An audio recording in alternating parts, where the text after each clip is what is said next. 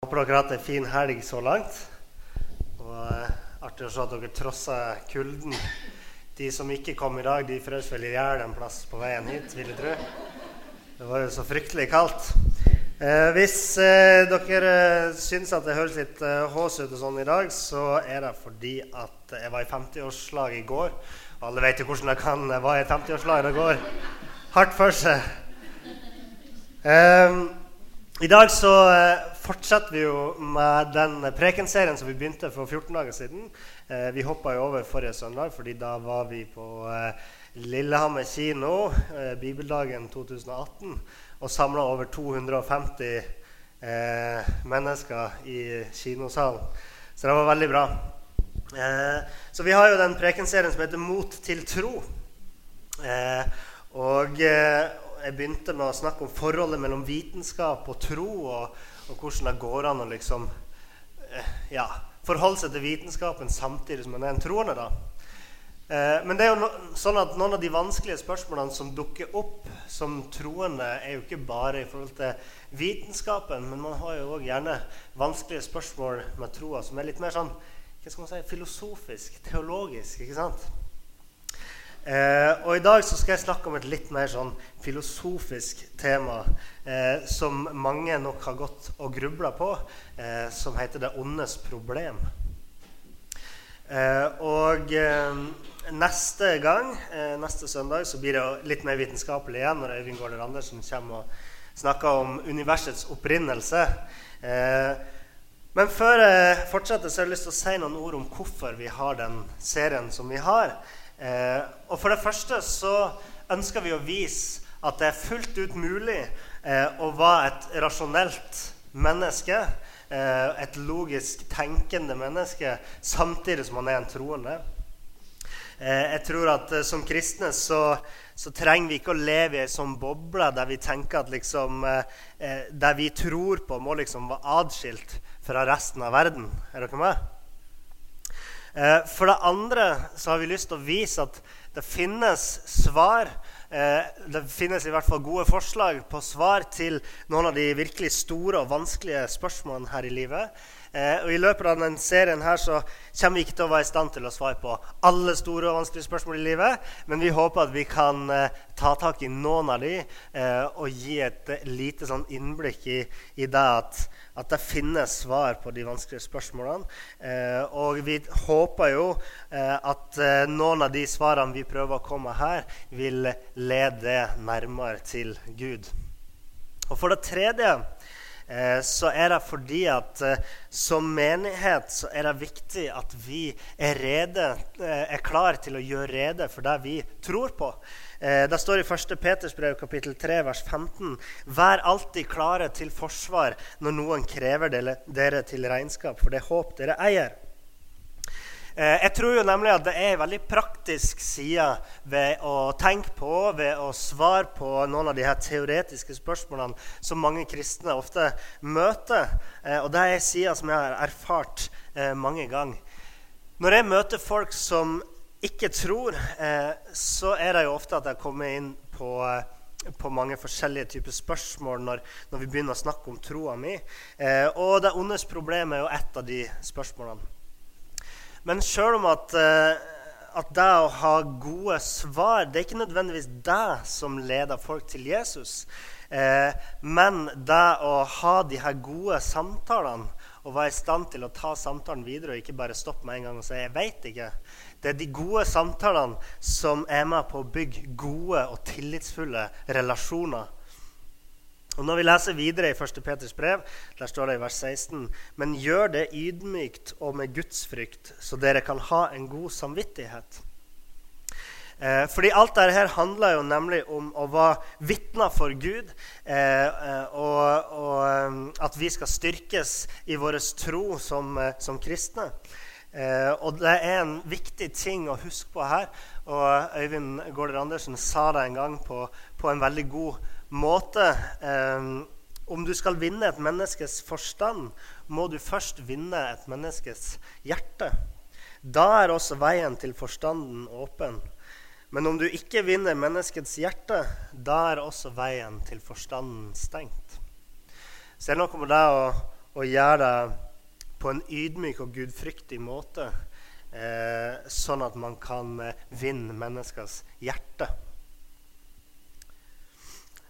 Eh, hvis du ikke er kjent med det ondes problem og hva det er for noe, det er jo også kjent som lidelsens mysterium, da, så tenkte jeg jeg skulle kjapt fortelle hva det går i. Og det kan jo egentlig oppsummeres som et eh, spørsmål. Hvis det finnes en Gud, hvorfor finnes det da så mye ondt i verden? Og Man eh, kan kanskje si at dette spørsmålet blir enda vanskeligere når det stilles til oss kristne. Fordi vi tror jo attpåtil at Gud er en god Gud. Så spørsmålet blir hvordan kan da en god Gud tillate alt det onde som finnes i verden? sant? Og, og, jeg tenker at Spørsmålet formuleres jo kanskje enda enklere eh, av de som står midt i lidelsen sjøl og roper ut 'Gud, hvor er du?' Og Vi finner dette spørsmålet flere plasser i Bibelen. F.eks. i en fryktelig vanskelig tid i hans liv og, og i, i, for folket hans, eh, så roper jo profeten Habakuk opp til Gud og sier, 'Hvor lenge, Herre, skal jeg rope uten at du hører?' 'Skrike til deg om vold uten at du frelser.' 'Hvorfor lar du meg se urett? Hvordan kan du se på ulykke?' Og så leser vi f.eks. I, i begynnelsen av Salme 10, den som begynner med et sukk til Gud. Han sier, 'Hvorfor, Herre, er du så langt borte? Hvorfor skjuler du deg når folk er i nød?' Så det her spørsmålet om hvordan Gud kan tillate onde, det er ikke noe nytt. Det er noe som har vært relevant for troende opp gjennom hele historien. Eh, og som leste fra Petersbrevet, så skal vi jo være ydmyk når vi forsvarer vårt håp. Og, og, jeg har lyst til å prøve å absolutt ha en ydmyk holdning til det her når jeg forsøker å gi noen gode tanker og refleksjoner rundt det. Og det er jo nemlig to, to måter å tilnærme seg dette problemet på. Eh, den ene er den sjelesørgeriske måten. Og, og, det er jo eh, å gå i, inn i enkeltsituasjoner med enkeltmennesker og snakke om, om eh, den erfaringa de har med lidelsen. Men jeg vil jo si at hvis du eh, sitter og, og føler, eh, føler på dette spørsmålet på et personlig plan i dag, og du, du kjenner på kanskje sterke følelser av smerte, av, eh, av, hat mot Gud, av bitterhet og sånn, så, så, vil ikke jeg bygge opp en forventning om at i dag skal jeg komme og liksom bare lett alt det, det, du går og bærer på med det jeg sier her. Fordi jeg tror at noen av de utfordringene som vi eh, møter i livet, de har ikke bare en sånn enkel løsning, eh, men de krever noen ganger at man går en lang og kanskje vanskelig runde sammen med Gud. Eh, og, og det krever at vi er i stand til å holde fokus på det som er det eneste håpet, eh, det er alle sitt håp, nemlig Jesus' stedfortredende lidelse på korset. Til syvende og sist er det jo kun gjennom det Jesus gjorde for oss, gjennom en personlig relasjon til Han, og bare gjennom en overgivelse til Han, og bare gjennom en fornyelse i Den hellige ånd, at vi kan forstå hvem Gud virkelig er, eh, og at vi kan forsones med Han. Eh, men eh, min tilnærming, til, tilnærming, i dag kommer til å være litt mer kanskje generell og, og intellektuell, om du vil. Vi eh, skal jo først vende oss til spørsmålet om hva det onde er for noen ting, og hvor det onde kommer ifra. Eh, Bibelen lærer oss jo at da Gud skapte verden, så var det ingen ondskap eller lidelse eh, i den. Eh, så du kan si verden var ganske annerledes eh, da Gud skapte den. Og eh, dere vet, Jeg er jo ganske glad i sånn naturdokumentarer og sånt. Jeg liker å liksom, sånne, du vet når de filmer sånn dyr ute i villmarka. Og, eh, og, så er det litt sånn morsomt, fordi jeg ser jo at man heier jo liksom alltid på det dyret den dokumentaren handler om. akkurat den episoden, ikke sant? Og Hvis vi ser på en episode om antiloper så er det jo liksom eh, ja, Da er du helt med på antilopen sitt liv. Og, så, og du ser på antilopen står ute på savannen og koser seg og drøvtygger litt gras og har det så fint. Men plutselig kommer det litt sånn skummel musikk. Og så ligger det ei løve og lurer ut i buskene, ikke sant? og du tenker nei, nei, nei. Og så sier du liksom til antilopen sånn Bruk de her store ørene dine. Nå må du høre det, her. bruk farta. Kom igjen, spreng! Kom opp i fart, bare kom deg unna. ikke sant? Men neste uke igjen, da er det en episode som handler om løver. Og da satt jeg og ser på løva som sniker seg opp mot antilopen. Sånn, yes, Kom igjen, ta den der antilopen. Kom igjen, spreng! Kom igjen! Bruk farta di! Kom igjen, ta den! Det er jo litt sånn. Og Eh, men tilbake til det at Gud skapte verden. da. Jeg tror jo at, at det fantes ikke noe moralsk ondskap eller noe lidelse i verden. Da Gud og dyr og mennesker de levde jo i en, i en harmoni med hverandre, for å si det sånn. Og Jeg vet jo ikke om det betyr at, at løvene og antilopene gikk rundt sammen og plukka bær i skogen og kosa seg. og sånt. Eh, men jeg tenker jo at i hvert fall i dag da, så reagerer vi jo ikke på på tanken om at et, eh, et, et eh, rovdyr dreper et bytte med liksom avsky. Og, og, når vi hører om at et rovdyr har drept et byttedyr, så tenker jo ikke vi åh, Gud, hvordan kan du tillate sånn ondskap i verden? Men det er jo fordi jeg tror òg at det, det, er en forskjell mellom smerte eh, og lidelse. Hvor mange her er det som har fått en, ei flis i fingeren sin? Det er ganske mange. Eh, hvor mange av dere som har fått flis i fingeren, tenkte da Kan det finnes en gud når jeg utsettes for sånne her ting? Nei, det var ikke, det var ikke så mange. Eh, det er jo eh, Jeg tenker jo at, at eh, mye av den eh, på en måte smerten vi opplever, det er ikke nødvendigvis lidelse. Fordi lidelse er mye mer enn bare smerte. Smerte er jo ikke noe ondt i seg sjøl. Det finnes jo f.eks. mennesker som har en eh, genetisk feil som gjør at de ikke er i stand til å kjenne fysisk smerte. Og det er en, en, eh, en genfeil som er livsfarlig å ha. Mange av de som har den, dør jo allerede som barn. Eh, fordi at smerten har jo en funksjon i vårt liv. Eh, hvis du ikke kjenner at du har satt det bakpå panelovnen liksom, og genseren din tar fyr, du merker det ikke før du lukter svidd, eh, svidd bacon, så er det, liksom, da er det ganske farlig. Eh, men det er en teolog som heter John Hick. Han har skrevet mye om det ondes problem og, og det med lidelse. Og han, han sier at lidelse er når vi mennesker er i en sinnstilstand der vi med et voldsomt og besatt begjær ønska at ting var annerledes. Eh, og lidelse består av mange flere ting enn bare smerte. Eh, sånn som komplekse menneskelige følelser som angst og frykt og skyld og skam og eh, osv. Så, videre. så man kan godt ha smerte uten at man har lidelse. Men det onde kom jo inn i verden når menneskene misbrukte den frie viljen som Gud hadde gitt dem. Det var jo først når menneskene begynte å ta onde valg, at det onde kom inn i verden. Men denne tanken om å ta det første onde valget var jo ikke noe som kom fra mennesket sjøl, men det var noe som, som djevelen eh, inn i øret til mennesket og planta en idé i hodet til Eva om å om å gjøre noe ondt. Men likevel så var det nettopp denne friheten til å velge akkurat det hun ville. Det var jo det som gjorde at hun var i stand til å velge det onde. Og med dette valget, dette første onde valget, da skjedde det noen ting med den verden som Gud hadde skapt. Hele den naturlige orden falt. Vi snakka om at hele skaperverket på en måte falt fra sin opprinnelige tilstand. Plutselig så det var ikke perfekt lenger. Det hadde kommet noe som inn i verden som ødela det. Og lidelsen, bevisstheten om lidelsen, kom inn i verden eh, og ble en del av vår bevissthet og tilværelse. Men så hvis fri vilje var roten til alt ondt, ja, hvorfor tillot Gud det da?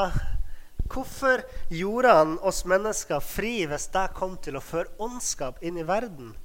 Så la oss snakke litt om det.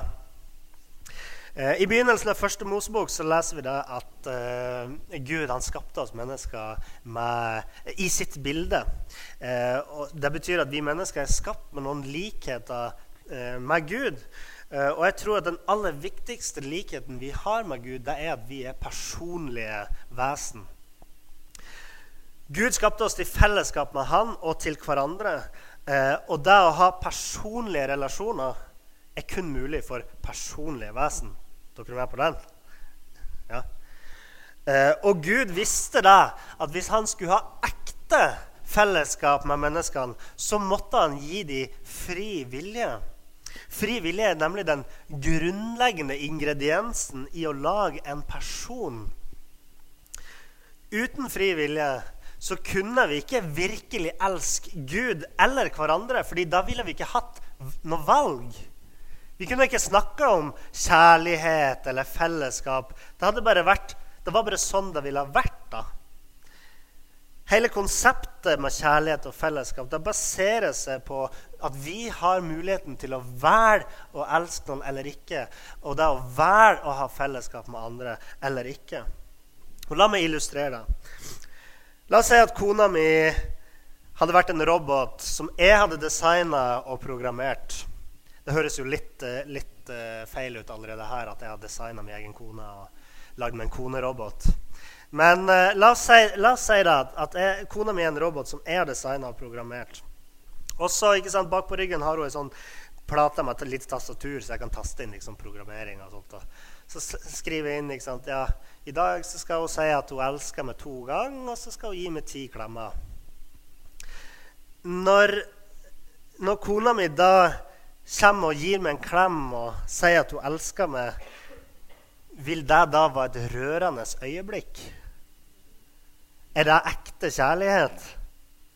Nei, så klart ikke. Og Gud visste jo det her. Han ville ikke ha roboter, men han ville ha personer. Han visste at eh, hvis menneskene skulle ha muligheten til å virkelig elske, så trengte de jo friheten til å velge. Det eneste som kan gjøre at kjærligheten vår er ekte. Eh, og det å gi oss friheten til å velge og gjøre gode ting, innebar òg friheten til å gjøre onde ting. Det var prisen Gud betalte for at vi skulle ha muligheten til å respondere til Gud med ekte kjærlighet. Nå kan det hende at eh, Hvis du snakker med noen om de her tingene her, og, og, du forteller dem at mye av det onde som skjer i verden i dag, det, det skjer pga. menneskets frie vilje, da er det godt mulig at de vil si ja, men det må jo ha vært mulig for Gud å skape mennesker på en sånn måte at de bare alltid valgte det gode. Kunne han liksom ikke bare skapt snille mennesker ikke sant? som bare tilfeldigvis bare valgte det, det gode, ikke sant? Og, eh, men uansett hvordan man vrir og vender på dette problemet her, så, så kommer man ikke unna det at hvis Gud hadde skapt oss på en sånn måte at vi egentlig aldri hadde muligheten til å være noe feil, egentlig aldri kom til å gjøre noe feil, så hadde vi jo ikke vært fri.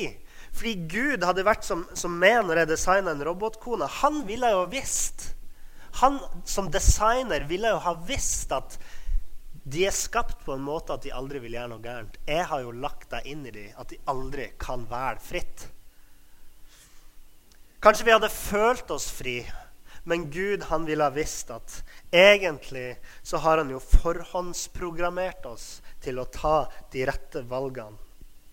Og da ville han òg ha visst at den såkalte kjærligheten han følte fra de her såkalte frie personene, egentlig bare var fordi han hadde skapt de sånn. Så det er jo denne frie viljen som gjør at vi mennesker er i stand til å ta moralske valg. Den frie viljen gir oss, oss altså en en moralsk skaperevne. Vi har evnen til å skape noe ondt eller å skape noe godt med de valgene vi tar. Er dere med? Eh, og fryktelig mye av den ondskapen som vi ser i verden i dag, den er skapt av mennesker. Den kommer av menneskets valg. Og så klart, Det finnes jo, finnes jo eh, lidelse i verden som skyldes eh, ikke-moralske ting, sånn som jordskjelv, eh, lynnedslag. ikke sant? Eh, men veldig mye lidelse er skapt av oss mennesker. Og, og hvis, du, eh, hvis vi fortsetter å tenke at du er i en samtale liksom, med, med, en venn om de tingene her, og du er ferdig med å snakke om fri vilje, du har liksom landa poenget ditt og sagt liksom, nei, Gud kunne ikke ha skapt oss uten fri vilje, så kan det godt hende da fortsetter de å si ikke sant? Men hvis det virkelig var nødvendig å gi oss fri vilje, da burde ikke Gud ha skapt oss fordi det er jo så mye ondt i verden at det hadde vært bedre at Gud bare lot være hele prosjektet. Og da, da Husk at vi, vi, må ha, en ydmyk tone når vi ser det her. Men jeg tenker noen gang, når folk sier det, så tenker jeg for det første Kanskje jeg ville svart meg et spørsmål. Hvis eh, hvorfor, hvorfor velger mennesker å fortsette å leve hvis livet er så ondt at det var ikke verdt at Gud skapte oss? Er vår tilværelse i verden virkelig så ille at det hadde vært bedre å aldri levd? Hvis vi kunne valgt, hadde vi valgt å aldri eksistere. Jeg vil jo si da at det er jo så godt som konsensus i verden om at det er godt å leve. Det er jo et virkelig fåtall som velger å, å, avslutte livet for tidlig. Og, og, det er jo uvisst hvor mange av de som ville ha sagt at det var ingenting godt med å leve. Og Jeg sier ikke at all alle lidelsen og ondskapen i verden er, er greit. Eh, og jeg sier ikke at ikke mange mennesker virkelig lider dypt. Eh, men jeg tror at i oss mennesker så er det innebygd en tanke om at livet helt grunnleggende sett er godt og at det er bedre å være til enn å ikke være til. Og det er jo det her som jeg tror at, gjør at vi er i stand til å gjenkjenne det onde. Det er at vi har en innebygd forståelse av at livet skal jo egentlig være godt. Og det er derfor, når vi ser at det skjer onde ting, og sånt, det er derfor vi reagerer sånn på det. Fordi vi skjønner at her er det noe som er feil. Det skal ikke være sånn. Det skal jo være godt. Hvis det var meninga at verden skulle være ond og full av lidelse, eh, så hadde jo ikke det onde vært noe mysterium i det hele tatt. Da hadde man jo tenkt ja, det er jo bare sånn livet er. Og vi had, hvis vi ikke hadde kjent det gode, så hadde vi jo bare tenkt ja, ondskap er liksom det, det, det, det, det som verden består av. Og hvis Gud hadde gjort seg kjent som en sånn tyrannisk Gud som bare vil oss ondt, så ville vi aldri ha stilt spørsmål ved Gud, hvorfor gjør du så mye, hvorfor tillater du ondskap? For da ville jo visst at han er jo ånd. så klart. Eh, men, eh, men, det er jo nettopp fordi at, at Gud har gjort seg kjent som en god Gud. Og fordi utgangspunktet vårt var en god verden. Det er jo derfor vi forstår at noen ting ikke er sånn som de burde være. Henger dere med på den? Og Derfor kan vi egentlig like gjerne spørre oss hvorfor finnes det så mye godt i verden hvis det ikke finnes en god Gud? Men det er ikke noe har svart eh, med et annet spørsmål til de som sier at Gud ikke burde skapt oss. Er det riktig av oss å få barn? Klart, Hvis den personen du snakker med, har barn sjøl, så har de jo besvart sitt eget spørsmål. Da fant de det liksom da har jo de allerede bestemt seg for at det var godt nok å leve, at de kunne få barn. Um, men uh, en uh, nobelprisvinner som heter Eli Wiesel, han eh, satt i konsentrasjonsleir og, og opplevde menneskets mørkeste side.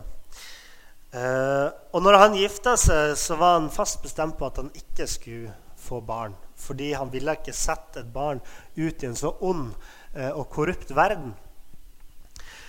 Men etter hvert så ombestemte han seg når han hadde tenkt mye på det her. fordi han innså til slutt at det var bedre å gi barnet en sjanse til å gjøre noe godt i verden.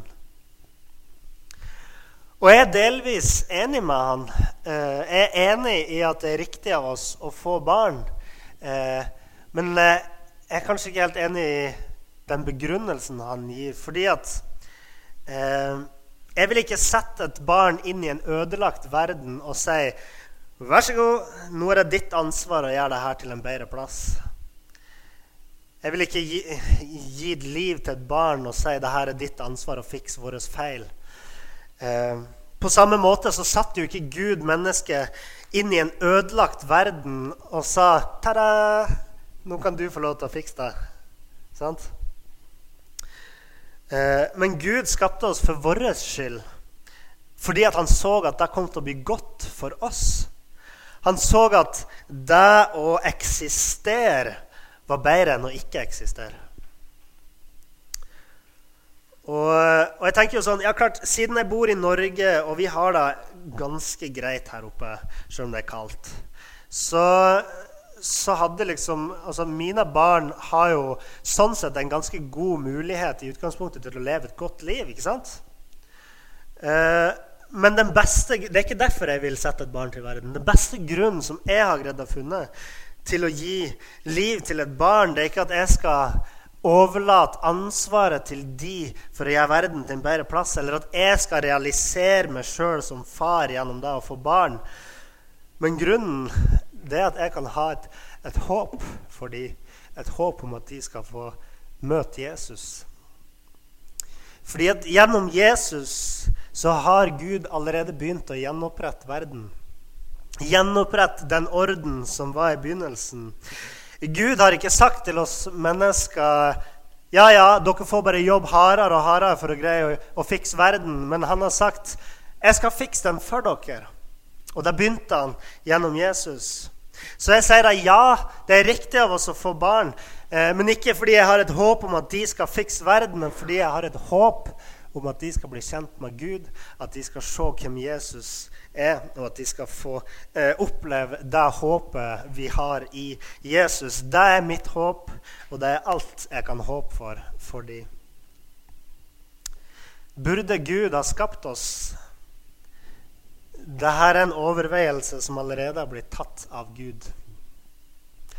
I all sin visdom så, så han at til tross for alt det onde så var det nok av det gode til at det var verdt det. Prisen var virkelig verdt å betale. Og vi er nødt til å tro at Gud han visste hva som ville være godt for oss mennesker. Eh, jeg skal straks avslutte. Eh, for dere som eh, sitter på bakerste rad og sover, så har jeg snakka om noens problem i dag. Og eh, som kristen, så, For meg som, som, kristen så er det kanskje ikke så mye et problem som mer et mysterium. Eh, og jeg tenker sånn at Selv om vi kan ha nokså logiske forklaringer på deler av hvorfor det er så mye ondskap i verden, og alt det der, eh, så er det jo alltid, tror jeg, i hvert fall på det personlige plan, eh, noen ting som forblir et mysterium for oss. Jeg tror jo det at Gud han griper inn i verden oftere enn det vi tror, og oftere enn det vi kan se eh, og registrere. Eh, men det er fortsatt de menneskene som vil si ja, men hvorfor gjør han det ikke oftere? Hvorfor gjorde han det ikke med meg? Ja, Noen spørsmål er det bare Gud som vet svaret på. og Noen ting vil alltid forbli et mysterium for oss. Men da tenker jeg alltid, men det er så godt å tenke på at det beste ligger jo foran. Dette er jo bare begynnelsen. Og hvis du kan huske det jeg sa innledningsvis Hvis du vil vinne forstanden, så må du òg vinne hjertet. Det betyr jo òg for det som, som, kommer hit i dag, og, og, kanskje tenker at ja, du skal forstå hvem Gud er, og du kommer med et tilsynelatende åpent sinn, og, og, så hører du det jeg sier, og så tenker du hm, ja, Jeg vet ikke om jeg lar meg helt kjøpe av det han sier så tenker jeg at ja, men har du da prøvd å åpne hjertet ditt? Fordi at, eh, fordi at vi, Hvis vi bare kommer med forstand mens hjertet vårt er stengt Vi har kanskje litt lyst til å forstå og kjenne Gud, men vi tør ikke å åpne hjertene våre. Da kommer, liksom all, da kommer vi aldri helt dit. Men vi trenger å slippe Gud inn sånn at han kan få lov til å vise oss hvem han er. Eh, det var ei, ei jente i Danmark, eh, en, en, tidligere ateist, som heter for eh, Skal vi se Nicole Cliff, som ble en kristen i, i voksen alder. og Uh, og hun hadde lest ei setning i en avisartikkel av en, en evangelisk forkynner. Uh, og denne setninga som eh, den, den liksom åpna plutselig ei dør inn til hjertet hennes. Det var ikke fordi at hun hadde hørt noen gode, gode argumenter for Guds eksistens. Eller, sånn. Hun hadde levd i mange år og syntes at ja, de kristne de er noe søte med den der overtroa si. Liksom, og syntes at Det var egentlig idiotisk, men hun respekterte at de som trodde på Gud, de fant sikkert en trøst i det. Men hun syntes det var skikkelig teit. Så leser hun en sånn setning som egentlig ikke gir henne noe noen mer svar på hvorfor man skal tro på Gud, men det bare skjer noen ting med hjertet hennes. Og de påfølgende minuttene etter å ha lest og de påfølgende dagene og ukene etterpå, så skjer det hele tida at hun plutselig bare, bare brister i gråt, liksom. I dusjen, på vei til jobben, mens hun smører brødskiver. Liksom hele tida. Og, og det her førte jo til at hun begynte å lese lest bøker om hvem Jesus var, og, og til slutt så ble du jo en kristen. Men det hele starta jo med at Gud på en eller annen måte bare fikk tilgang til hennes hjerte. Og fikk bare la henne kjenne 'Her er med'. La oss be helt til slutt. Himmelske Far, eh, jeg ber for alle de som opplever lidelse og ondskap. Eh, at de som opplever at det er et hinder for å komme til det. Jeg bare ber om at du skal hjelpe dem til å se at alt det som vi må gjennomgå, det er ikke for ingenting. Men, men hjelp dem til å se i et evighetsperspektiv, far. Hjelp dem til å se at uh, Til å se din godhet gjennom eh, all sorg og, og smerte som vi opplever her i verden. Og, og, at vi skal få se mer og erfare mer av at ditt rike har kommet ned til oss, Herre. Og så ber jeg deg om at uh, du skal hjelpe oss alle sammen og åpne våre hjerter for det. At din uh, Hellige Ånd kan komme inn i våre hjerter og være et vitne for det, sånn at vi skal forstå med våre hjerter det vi ikke kan forstå med vår forstand. Jesus. Jesu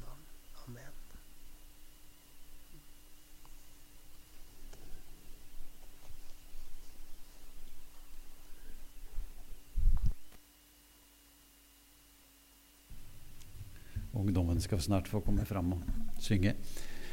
Takk skal du ha, Niklas.